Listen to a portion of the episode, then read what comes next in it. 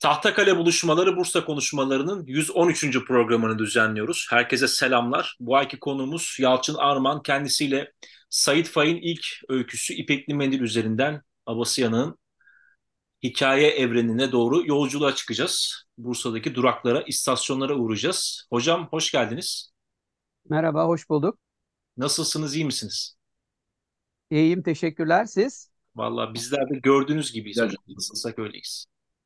Harika. Harika görünüyorsunuz. Eyvallah. Eyvallah. Cihan başlayalım. Hocam, e, öncelikle Said Faik ne zaman, neden Bursa'ya geliyor? Ee, hayli bilinen edebiyat tarihinde yaygın biçimde bilinen bir hikaye bu. Birazcık e, haytalık hikayesi. E, yani İstanbul'da lisede okurken e, bir hocalarının e, sandalyesine bir iğne koyuyorlar. Çuvaldız bayağı büyük bir şey. E, bayağı bir uğraşmışlar böyle marangozhaneden alıp onu. E, sonrasında işte hoca şikayet ediyor bunu ki gazetelerde de haber oluyor dönemde. E, ve e, söylemesini istiyorlar öğrencilerden e, kimin bunu yaptığını ama öğrenciler söylemiyor. Burası da ilginç. E, e, ispiyonculuk yapmıyor e, diğer öğrenciler. Ve e, o sınıftaki son sınıftaki 40 öğrenciyi Bursa Lisesi'ne sürüyorlar. Sait Faik'in Bursa hikayesi böyle başlamış oluyor. Bursa Lisesi'ne e, gidiyor. Şimdi Bursa'ya gittiği zaman da ilginç şeylerden birisi e, aslında son sınıf öğrencisi olduğu söyleniyor ama orada birkaç yıl geçiriyor. Sınıf tekrarı yapıyor anladığım kadarıyla. Kendisinin de söylediği gibi çok başarılı bir öğrenci değil e, Sait Faik. E, okuldan da pek hoşlanan bir öğrenci de değil. E, o yüzden e, Bursa'da e, beklenenden daha uzun e, bir zaman geçirdiğini görüyoruz. Ve e, yani Bursa'dayken de e, edebiyat derslerinde, tahrir dersleri o zamanki adıyla yazma derslerinde de ilk öykülerini yazıyor. O ilk öykülerden bize kalan e, iki tane önemli öykü var sonradan e, kitaplarında yer alan. Bunlardan birisi işte bugün üzerine konuşacağımız İpekli Bendil. E, diğeri de Zemberek e, öyküsü. İkisi de Bursa Lisesi'nde öğrenciyken yazdığı metinler. Hocam tam burada bir şey soracağım. Reşat Ekrem de aynı dönem ve aynı sınıftan değil mi? Şeyle Avası Yanık'la. Reşat Ekrem'den emin değilim ama e, İbrahim Sabri Çağlayangil galiba aynı sınıfta. E, sonrasında o söylüyor. Hatta ben koymuştum onu diye açıklamış. E, Bu ama bizim Bursa valiliği yapacak olan adam değil mi bu? Ondan bahsediyorsunuz. e, bakanlık falan da yaptı. Milletvekilliği de e, yaptı. Evet. E, Tamam, işte politikacı olacak sonrasında. O e, yani ben koydum demiş ama tabii e, bunu yıllar sonra açıkladığı için 80'lere doğru hatırlayamıyor olabilir e, diye düşünüyorum. Eyvallah. E, ama o sınıftan başkaları da var e, bilinen. Burası hep edebiyat tarihinde biraz e, örtük geçiliyor. Biraz herhalde muğlak gibi ama bence Reşat Ekrem'le e, Sait Faik aynı anda dönemdaşlar Bursa Erkek Lisesi'nden. Çünkü yine bir sürülme hikayesi var Reşat Ekrem'in de ve biyografisinde hep işte Bursa Erkek Lisesi mezunu olduğu e, yazılıyor. Herhalde diyorum bu ikisi aynı e, haltı işlediler ve ondan sebep İstanbul Erkek'ten Bursa Erkek'e transfer oldular. Ya kaynaklarda açık bir şeye rastlamadım. Ee, ama isimler tek tek saymadığı için e, dediğiniz gibi de olabilir. Ama e, ya benim okuduğum kaynaklarda e, böyle bir bilgi doğrudan yok. Ama Eyvallah. kalabalık bir sınıf işte 40 kişi gidiyorlar. Eyvallah. Hocam peki İpekli Mendil'e geri dönersek Türk öykücülüğündeki e, durumu nedir İpekli Mendil'in? İşin doğrusu önce e, çok usta bir öykü olduğunu söylemek lazım. Yani bir ilk öykü için e, beklenmedik biçimde iyi bir öykü. E, İpek Yaş Yıldırım. kaç tahminen o civarlarda? Ya bazı kaynaklarda 25, bazılarında 26 e, diyor. İşte 20'li yaşların e, başında ki yani Sait Faik'in e, lise hayatı biraz uzun sürmüş e, tekrarları olduğu için. Muhtemelen bunun dışında çok, çok savaş dönemine de denk geldiği için düzenli bir eğitim alamamış gibi görünüyor. Ya yaşı çok genç değil o yüzden. E, işte 28'de e, diplomasını alıyor. Müzede var. Sait Faik Müzesi'nde görebilirsiniz Bursa Lisesi'nden aldığı diplomayı. 28 diyor. 22 yaşında liseden mezun olmuş. E, bir aylık geç e, aslında. Ee, yani bu 20'li yaşlarının başında e, 1925 ya da 26'da e, İpekli e, Mendil öyküsünü yazıyor. Ama tabii ilk yazıldığı biçimiyle mi yayınlandı, sonra mı yayınlandı? Üzerinde çalıştım onu bilemiyoruz. Yayınlanma tarihi 1934. E, Varlıkta Varlıktaki yayınlanıyor. 34 mu hocam? Evet 34. O zaman Ee, bir yani yazılma- galiba değil mi? 28 mi yapıyor? Ne yapıyor? Bayağı yapıyor herhalde. Du- Duyamadım söylediğinizi. Yaşı o zaman varlıkta çıktığı zaman Sait Faik'in yaşı 28 mi? Kaç 28 doğum? evet. Bin, yani 1906 şeyden, doğumlu. Tamam okey. Tamam.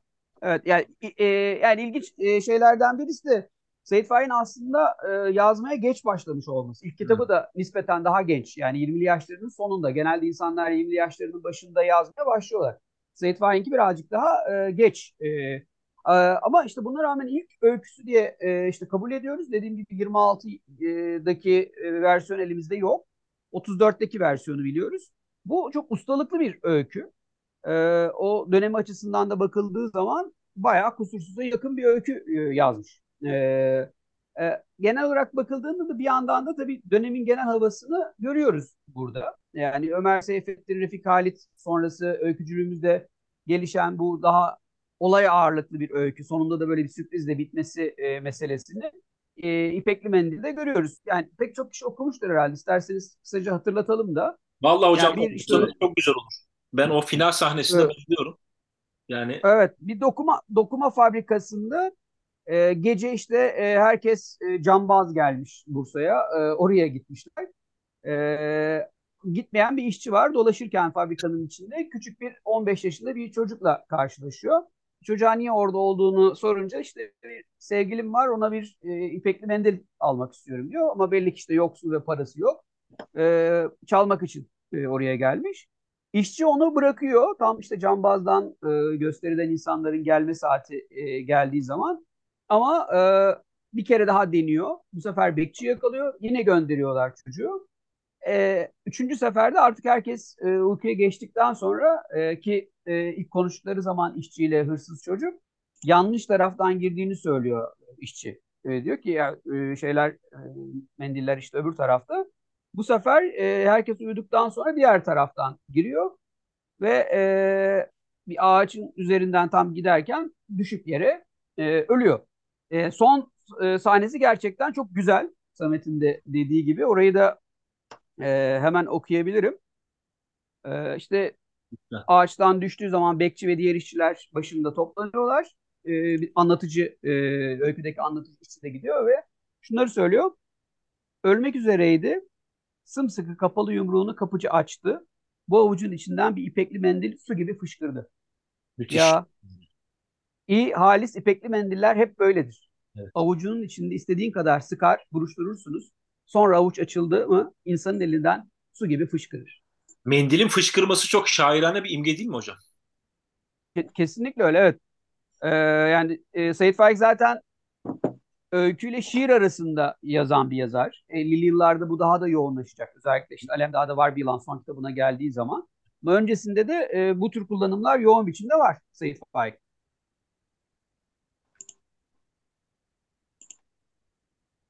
Peki hocam bu İpekli Mendil kendi e, hem kendi yazın dünyasına nasıl bir anlam getiriyor hem de e, diğer öykü alemini nasıl etkiliyor?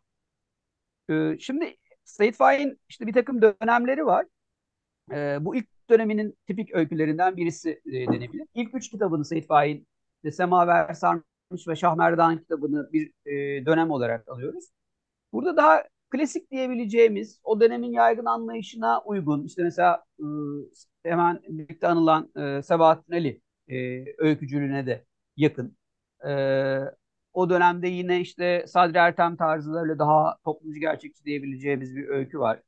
E, olayın daha önde olduğu e, bir öykü tarzı var ilk üç öyküsünde ve İpekli Mendil onun tipik örneklerinden birisi. Yani buradaki öykü ya da işte e, ilk e, kitaba da adını veren Semaver öyküsüne baktığımız zaman da benzer bir e, yan görüyoruz. E, o Semaver öyküsünde de yine bir işçi anlatılıyor. E, işte annesiyle yaşayan bir işçi sonunda annesi e, ölüyor. Onun mutsuzluğunu anlatıyor. E, ki burada da dikkat edilmesi gereken şeylerden biri sen burada hem e, diğer öyküde işte küçük insanlardan bahsetmesi. Bunu edebiyat tarihinden zaten hepimiz biliyoruz. E, 1930'lar ve 40'lar e, işçi sınıfından ama bu arada işçi olarak değil de e, daha işte küçük insan diyerek bahsedilen bir dönem. Yani Bunun o Marksist karşılığı... sınıf bilinciyle bakmıyor aslında değil mi oraya?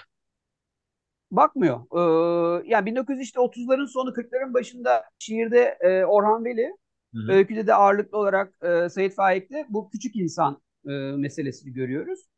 onlar kendilerini Nazım Hikmet'ten de ayrıştırıyorlar. Yani Nazım Hikmet e, mesela daha sınıf temelli bakıyor. Evet. İşçi sınıfı diye bakma eğiliminde. Ama e, e, Said Faik de Orhan Veli de işçilerden bahsediyor. Onlardan bahsetmeyi seviyor. Ama işçi sınıfı diye bahsetmiyor. Onun yerine küçük insan e, demeyi tercih ediyorlar. Ya burada da politik olarak baktığımızda çok kolay aslında adlandırması. Sosyalist olmayan bir halkçılık var bana kalırsa 1930'larda ve 40'larda. Bu biraz da Cumhuriyet'in etkisi diye düşünüyorum. İşte tam bugünlerde 100. yılını kutluyoruz. E, yoğun biçimde düşünüyoruz Cumhuriyet'in üzerine. Yani Cumhuriyet'in e, bir halk tabanına e, oturma hik- hikayesi e, diye baktığımız zaman yani halkı cumhuru bir biçimde dahil etmek istiyor kamusal alana. Bunun edebiyatta bir takım görünümleri var. Ve işte e, o güne kadar edebiyatta bu kadar yoğun biçimde küçük insandan bahsedilmiyor. Yani 1911 sonrasında Türkçülük devreye girdikten sonra e, işte Anadolu'dan bahsetme, daha o güne kadar edebiyatta olmayan e, kişilerden bahsetme meselesi var.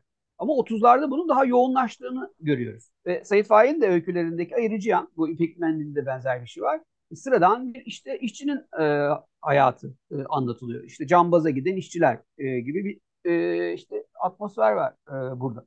E, o noktada hani e, soruya tekrar işte dönecek olursak e, Can Bey'in sorusuna yani ilk e, dönemi açısından Said Faik'in ilk dönemi açısından tipik bir e, küçük insan öyküsü aslında İpek.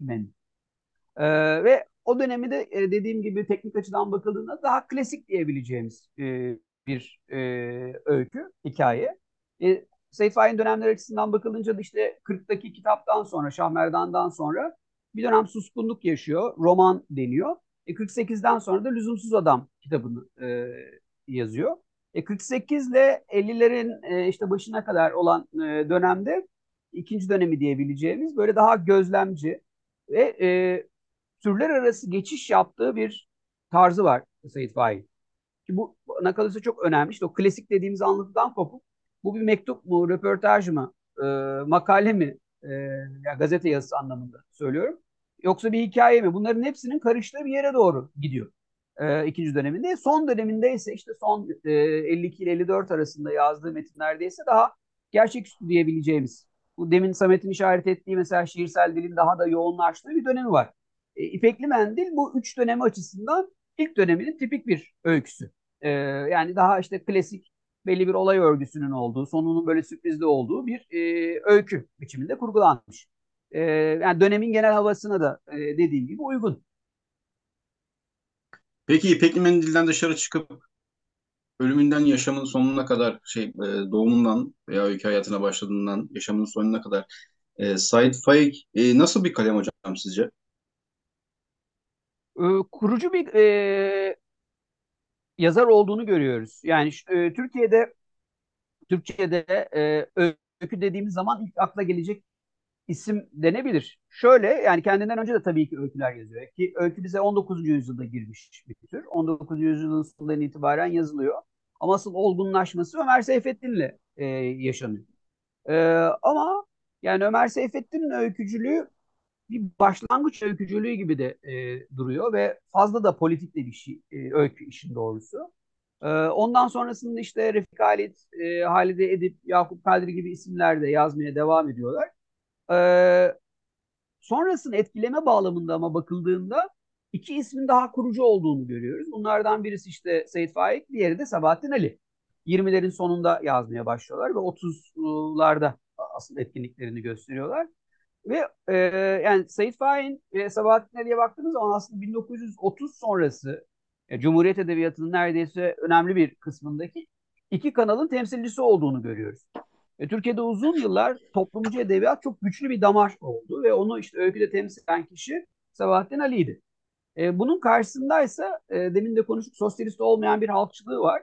E, ve Said Faik'te estetik daha öncelikli e, bir mevzu. E, yani Sabahattin Ali ile karşılaştırdığımız zaman. Ki ama hemen şu şerhide düşmek lazım. E, politik bir angajmanı yok e, Seyit Faik'in. Ama e, özellikle 40'lı yıllarda yazdıklarında etik bir tavrı var. E, onun altını çizmek lazım. Yani e, yalnızca e, biçimden ibaret bir estetikten yana değil. Önceliği e, estetik olsa bile e, o etik tavrı da hiçbir zaman aslında bırakmıyor. Ki işte geçen yıl biz Bursa'da Nilüfer Belediyesi'nde e, Seyit Faik yılı yaptığımız zaman orada da spot olarak kullanmıştık. Yani yazmak e, iyi ve güzel başka bir dünyaya götürmüyorsa ne işe yarar diyen bir yazar. E, o noktada edebiyat yalnızca estetikten ibaret bir şey etik bir mevzu da e, Seyit Faik için. Ama e, yani Sabahattin Ali ile karşılaştırdığımız zaman Seyit Sabahattin Ali'de e, politik diyebileceğimiz mesajlar çok daha net. E, Seyit Faik'te ise öyle değil. Sonrasında da yani Seyit Faik'in e, Türk öykücülüğündeki, Türkçe öykücülükteki e, özel yeri en başta kendine özgü diyebileceğimiz bir türü yaratmasından kaynaklanıyor. Demin de dediğim gibi özellikle işte 40'ların sonundan itibaren e, ne olduğuna karar veremediğimiz bir e, türde aslında yazıyor. Ve bu ne olduğuna karar veremediğimiz tür sonrasında aslında bizim öykü diye tanımladığımız şey de olacak. O noktada daha kurucu olduğunu e, söylemek gerekiyor. Ki bir de şunu da eklemek lazım. E, alımlanması bağlamında da e, Türkiye'de işte e, bugün hala okullarda da öğretiliyor galiba. E, 19. yüzyılda işte öykü tüm dünyada çıktığı zaman Çehov tarzı öykücülük ve Maupassant tarzı öykücülük diye ikiye ayrıldı deniyor. İşte birisi durum öyküsü e, Maupassant diye özür dilerim e, durum öyküsü Çehov e, olay örgüsü Maupassant diye e, anlatılıyor. Bizde de bunun bir işte karşılığı olarak e, Sabahattin Ali ve Seyit Faik ikiliği oluşturuluyor. Bunun politik yanına pek e, vurgu yapılmıyor ama alımlanmasına baktığımız zaman özellikle 1970'lerde 60'ların sonundan itibaren e, Seyit Faik'in işte e, bir tür işte burjuva olduğu da söyleniyor. E, karşısına Sabahattin Ali e, konduğu zaman Sabahattin Ali'nin daha işte kıymetli bir yazar olduğunu, çünkü işte bir sınıf bilinciyle yazdığını ama e, Seyit Faik'in zaten üst sınıftan gelen birisi olarak, bir burjuva aileden gelen birisi Hocam, olarak. Hocam babadan kalma yani, Burgazada'da köşkte yaşıyor yani birazcık burjuva, burjuvan trak yani. Ee, öyle kendi de zaten söylüyor. Yani şey sonrası yani Türkiye'de mesela 1930'lu yıllarda yurt dışına gidebilen kaç kişi vardı? Yani. O e, azınlığın e, bir üyesi elbette. Kendisi de yani işte bir burjuva e, e, Avrupa dönüşünde geldiği zaman canım hiçbir şey yapmak istemiyordu. İşte burjuva çocuk şımarıklığı vardı üzerimde diyor. Ama ya bu onun metinlerine sızmış bir şey değil yani. E, e, o 1970'lerdeki eleştirideki gibi Burjuva sınıfının e, savunuculuğunu yapmıyor. Onların haklarını da savunmuyor. Aksine etik değerler bağlamında bakıldığında işte paradan nefret eden e, ve o burjuva değerleri hep aşağılayan bir yazar e, Seyit. E, o noktada o biraz haksız bir eleştiri bana kalırsa. Yani Türkiye'de e, nasıl yazdığınız değil de işte alımlandığınız önemli ve e, o dönem yani e, sizin değerlendirildiğiniz dönemde ne önemli oluyorsa ona göre e, aslında siz de değerlendiriliyorsunuz. E, 1970'li yıllarda işte sosyalist e, kültür daha yükselişe geçtiği için daha sahiplendiği, kendinin kanunu olarak görmek istediği yazarlar var. Bir de dışarıda tutmak istediği yazarlar var. E, o noktada işte Nazım Hikmet'le e, Sabahattin Ali'nin kitapları 65'te yeniden yayınlanıyor. Onları kanonik olarak kabul edip e, daha merkezde duran Seyit Faik'i dışarı çepere etmeye çalışıyorlar. O yüzden öyle bir tartışmanın olduğunu görüyoruz. Yani bunları e, Seyit Faik ve Sabahattin Ali'den biraz bağımsız olduğunu söylemek lazım aslında yani alımlanmalarının tarihi. Peki hocam eserlerine, tüm eserlerine baktığımız zaman Bursa'nın maddi manevi ikliminin e, üzerindeki tesirini, yazısına tesirini görebiliyor muyuz? Görebildiniz mi?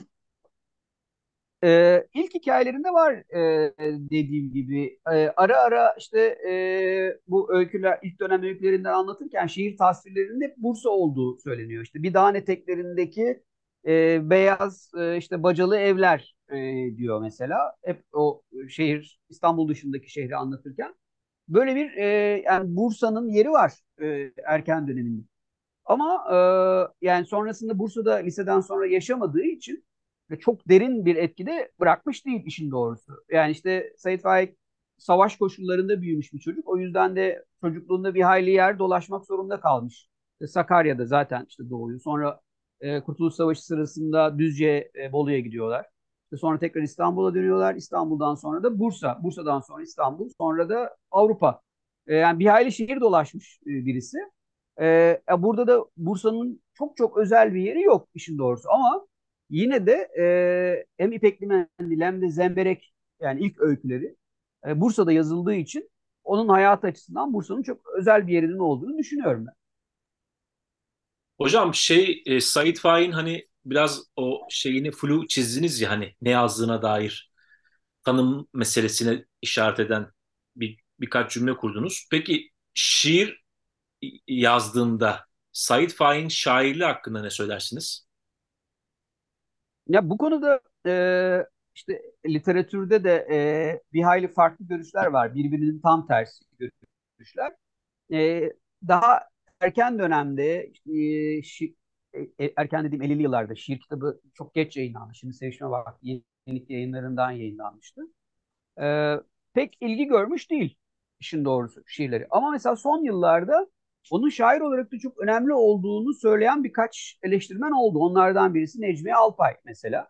Ee, benim yayın hazırladığım Kültür Bakanlığı'ndan çıkan kitap rastlantıyla şu anda tam arkamda e, duruyor. Evet. O gördüm. kitaptaki yazısında evet, o kitaptaki yazısında mesela Necmi Hanım e, öykü şiirlerinin bayağı iyi olduğunu söylüyor. İşin doğrusu e, benim şahsi kanaatim şiir yazmasa da olurdu. E, ben çok başarılı bulmuyorum şiirlerini. E, ki e, yani ilk e, Bursa Lisesi'ndeyken işte bu öyküleri yazmış. Ama İstanbul'a geldiği zaman 29'da e, Meşale dergisine e, şiirlerini gönderiyor. Yıllar sonra onun ölümünden sonra e, Yaşar Nabi yayınladı ilk gönderdiği e, şiirler e, diye. İlk döneminde işte şiirler yazmış. Onlar da çok başarılı değil.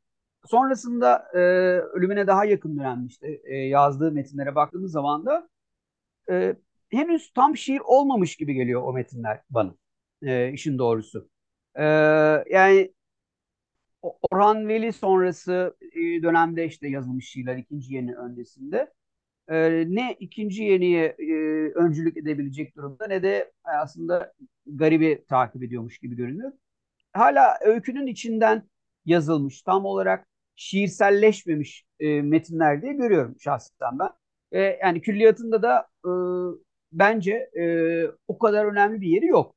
Ama tuhaf biçimde e, bir süre önce e, bu hafta yayınlanan işte Doğu Batı dergisi 100 yıllı e, şiir e, ele alan bir e, sayı yaptı. 3 sayı yaptı. Ben de oraya şiir ve e, şiirin dolaşım ve kanon diye bir yazı yazdım. Ve e, Türkiye'de 3'ten fazla baskı yapmış şiir kitapları nelerdi onu listeledim. E, Türkiye'de en çok satan şiir kitaplarından birisi şimdi Sevişme Vakti. Hocam Sevgili herhalde abi. yapı kredinin basması ve e, ucuz basmasının etkisi olabilir. Kesinlikle öyle. Şimdi sonra da işte İş Bankası da bastı. Aynı şey Sabahattin Ali için de geçerli.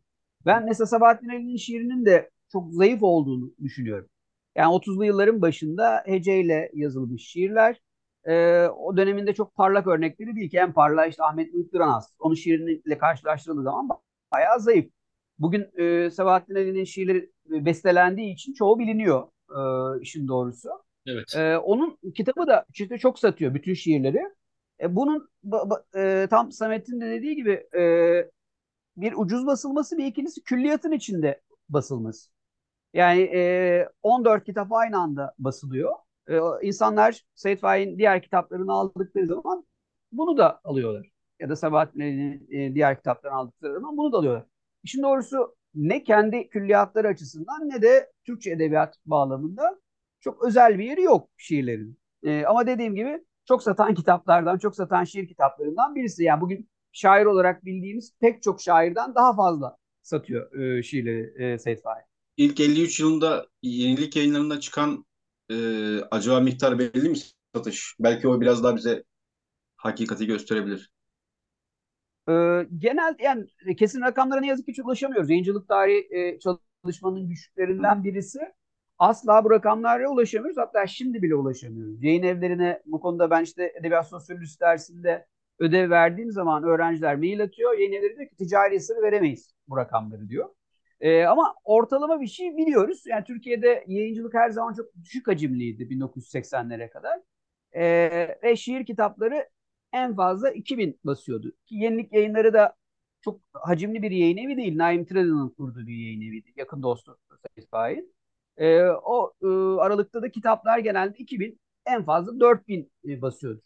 Ama burada işte yayın sıklığına bakmak lazım. E, Seyit Faik'in e, 54, 53 e, yenilik yayınları e, sonra tekrar baskısı yok. Ki o yıllarda kitaplar bu kadar sık biçimde de zaten yayınlanmıyordu. İşte e, külliyatın içinde yine e, ilk varlık yayınları külliyat içinde yayınladı. İşte sonra Bilgi Yayın Evi'ne geçti. Kredi geçinceye kadar da Bilgi'deydi. Hep külliyatın içinde e, yayınlandı. E, o dönemde de çok ilgi görmüş değil işin doğrusu şiirleri yani. İki romanı var. Onu karşılaştırsak öyküleriyle nasıl olur hocam?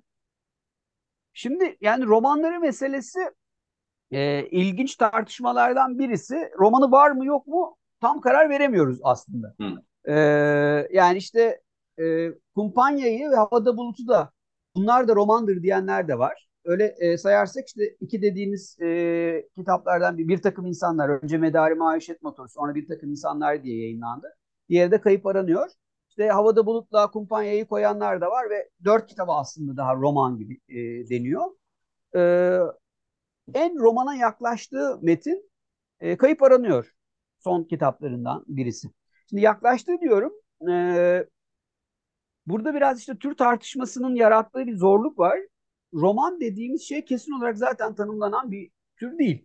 E, işte Murat Belge'nin bir sözü vardır. E, 20. yüzyılda diyor en iyi romanlar roman türüne girmeyen metinlerdi diyor. E, işte mesela Marquez'in Yüzyıllık Yalnızlık de klasik bir roman değil. E, ama işte e, 20. yüzyılda en çok okunan metinlerden birisi. Ondan e, sonra da roman hikayesi türecek falan hocam devamında. Evet, evet. Evet. Yani büyülü gerçekçilik çok etkiledi bana kalırsa postmodern e, roman. E, üst kurmaca meselesine e, bir yol e, açtı diye düşünüyorum. Yani Said Faik konusunda da benim bu konu e, bu arada Said Faik ilk yazımda bu iki roman üzerine ve Kayıp Aranıyor'a odaklanan bir e, yazıydı.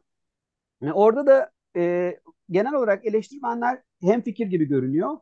E, Said Faik kötü bir romancıdır diye değerlendiriyoruz.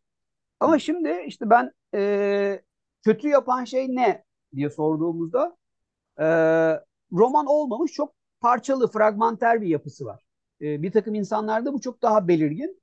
Aslında bir araya getirilmiş öyküler gibi. E, Kayıp Aranıyor'da da bir konsolos kızı Nevin'in üç gününü aslında e, anlatıyor. E, İstanbul'da ve Ankara'da işte e, geçiyor. E, dağınık evet. Yani e, o dönemin romanlarıyla, roman tekniğiyle karşılaştırıldığı zaman biraz zayıf görünüyor tekniği. Ama e, işte tür e, e, bağlamında bakıldığı zaman türe müdahale eden yazarlar bana kalırsa teknik üzerine daha fazla düşünmüş yazarlar oluyor.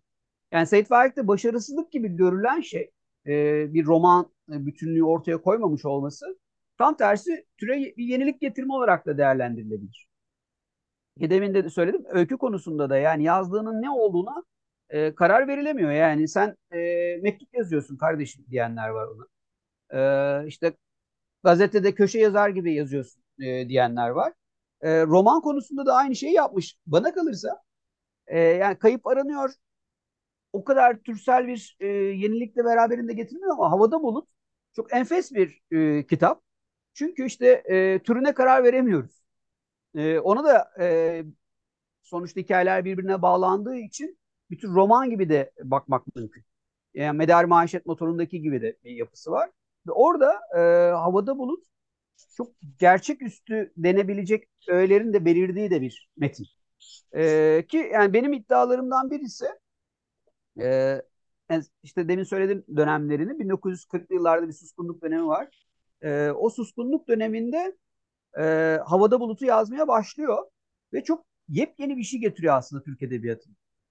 E, ama e, eleştirmenler tarafından hiç de iyi karşılanmıyor bu, bu metinler. Yani adam bir kitap yazmış ama işte dağınık e, roman mı yazmış, öykü mü yazmış anlaşılamıyor falan deniyor. E, bugün olsa mesela e, işte tür bağlamında tartışma için daha kıymetli bulabilirdik. E, ve Said Faik biraz geri adım atıyor bana kalırsa. O türler arası e, daha oyuncaklı diyebileceğimiz bir tür yerine daha e, sevilen öykülerini yazmaya, Havuzbaşı e, ve Mahalle Kahvesi gibi öykülerini yazmaya e, devam ediyor. Bir gözlemci e, konumundan yazdığı öykülere devam ediyor. Sonrasında tekrar e, Alemdağ'da var bir yılanla havada buluttaki gibi e, bir takım denemelere giriştiğini e, görüyoruz. Eğer mesela Türkiye'de e, hep klasik beklenti, estetik beğeninin dışında e, yeni olana biraz daha e, kıymet verilen bir kültür olsaydı havada buluttan sonra e, Sait Faik'in bambaşka şeyler yazacağını düşünüyorum. E, ama işte e, bizde yani bu adam roman yazmaya çalışmış, yazamamış. Roman belli, öykü belli gibi falan bakılıyor. Ama hiç de belli değil bu arada. Onu da söylemek lazım. E, ki yani ben havada bulutu bir roman dersinde okutup pekala tür bağlamında tartıştırabilirim şu anda. Bayağı da kıymetli bir şey çıkar ortaya diye düşünüyorum. Hocam son olarak şunu soruyorum. Ee, Erkek Lisesi'nin önünde bir büstü var e, Sait Faik'in. E, bu şehirde Sait Faik'in adını yad etmek için yeterli midir sizce? Valla işte e, geçen yıl e, Nilüfer Belediyesi bir etkinlik yaptı. Bir yıl boyunca devam etti. Ben de akademik danışmanıydım. E, bu tür bir şey mesela daha kalıcı olabilirdi. Güzel olurdu diye e, düşünüyorum. E, yani Sait Faik Bursa'da kadar anılıyor bu büstün dışında e, bilmiyorum ama yine de şanslı yazarlarımızdan sayılabilir. Çünkü işte müzesi var bildiğiniz gibi Burgaz Adası'nda. Darüşşafaka e, Seyit Faik ödülü, e, öykü e, ödülünü hikaye armağanı e, resmi adıyla vermeye devam ediyor. Bir biçimde anılıyor. Ve son yıllarda mesela yani Bursa'dan böyle bir e, atılım olmadı ama Sakarya mesela daha fazla sahip çıktı e, Seyit Faik'e. Orada kontenjanı herhalde hocam. Ada pazarlı olduğu için. Evet, evet. Yani Bursa'da geçirdiği vakit biraz daha kısa. Ama yani Bursa liseyi sonuçta burada okudu deyip e, bir sürü e, girişimde bulunabilir gibi geliyor Evet, e, evet. E, yani e, Sakarya'da yapılan şeyin bir benzeri burada da yapılabilir. E, yani bu biraz işte Türkiye'de son yıllarda bu tür kültürel etkinlikleri belediyeler organize ediyor. E, bildiğim kadarıyla mesela Bursa'daki belediyeler Tanpınar e, adına hikaye ödülü vermeyi Evet. tercih ettiler. Sait Faik'le ilgili tercih edilmedi.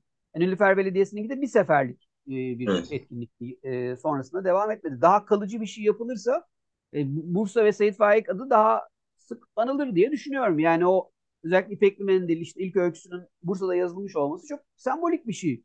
E, o yüzden Bursalılar hemşerimiz diyebilirler bana kalırsa yani Faik. Hocam çok teşekkür ediyoruz geldiğiniz için.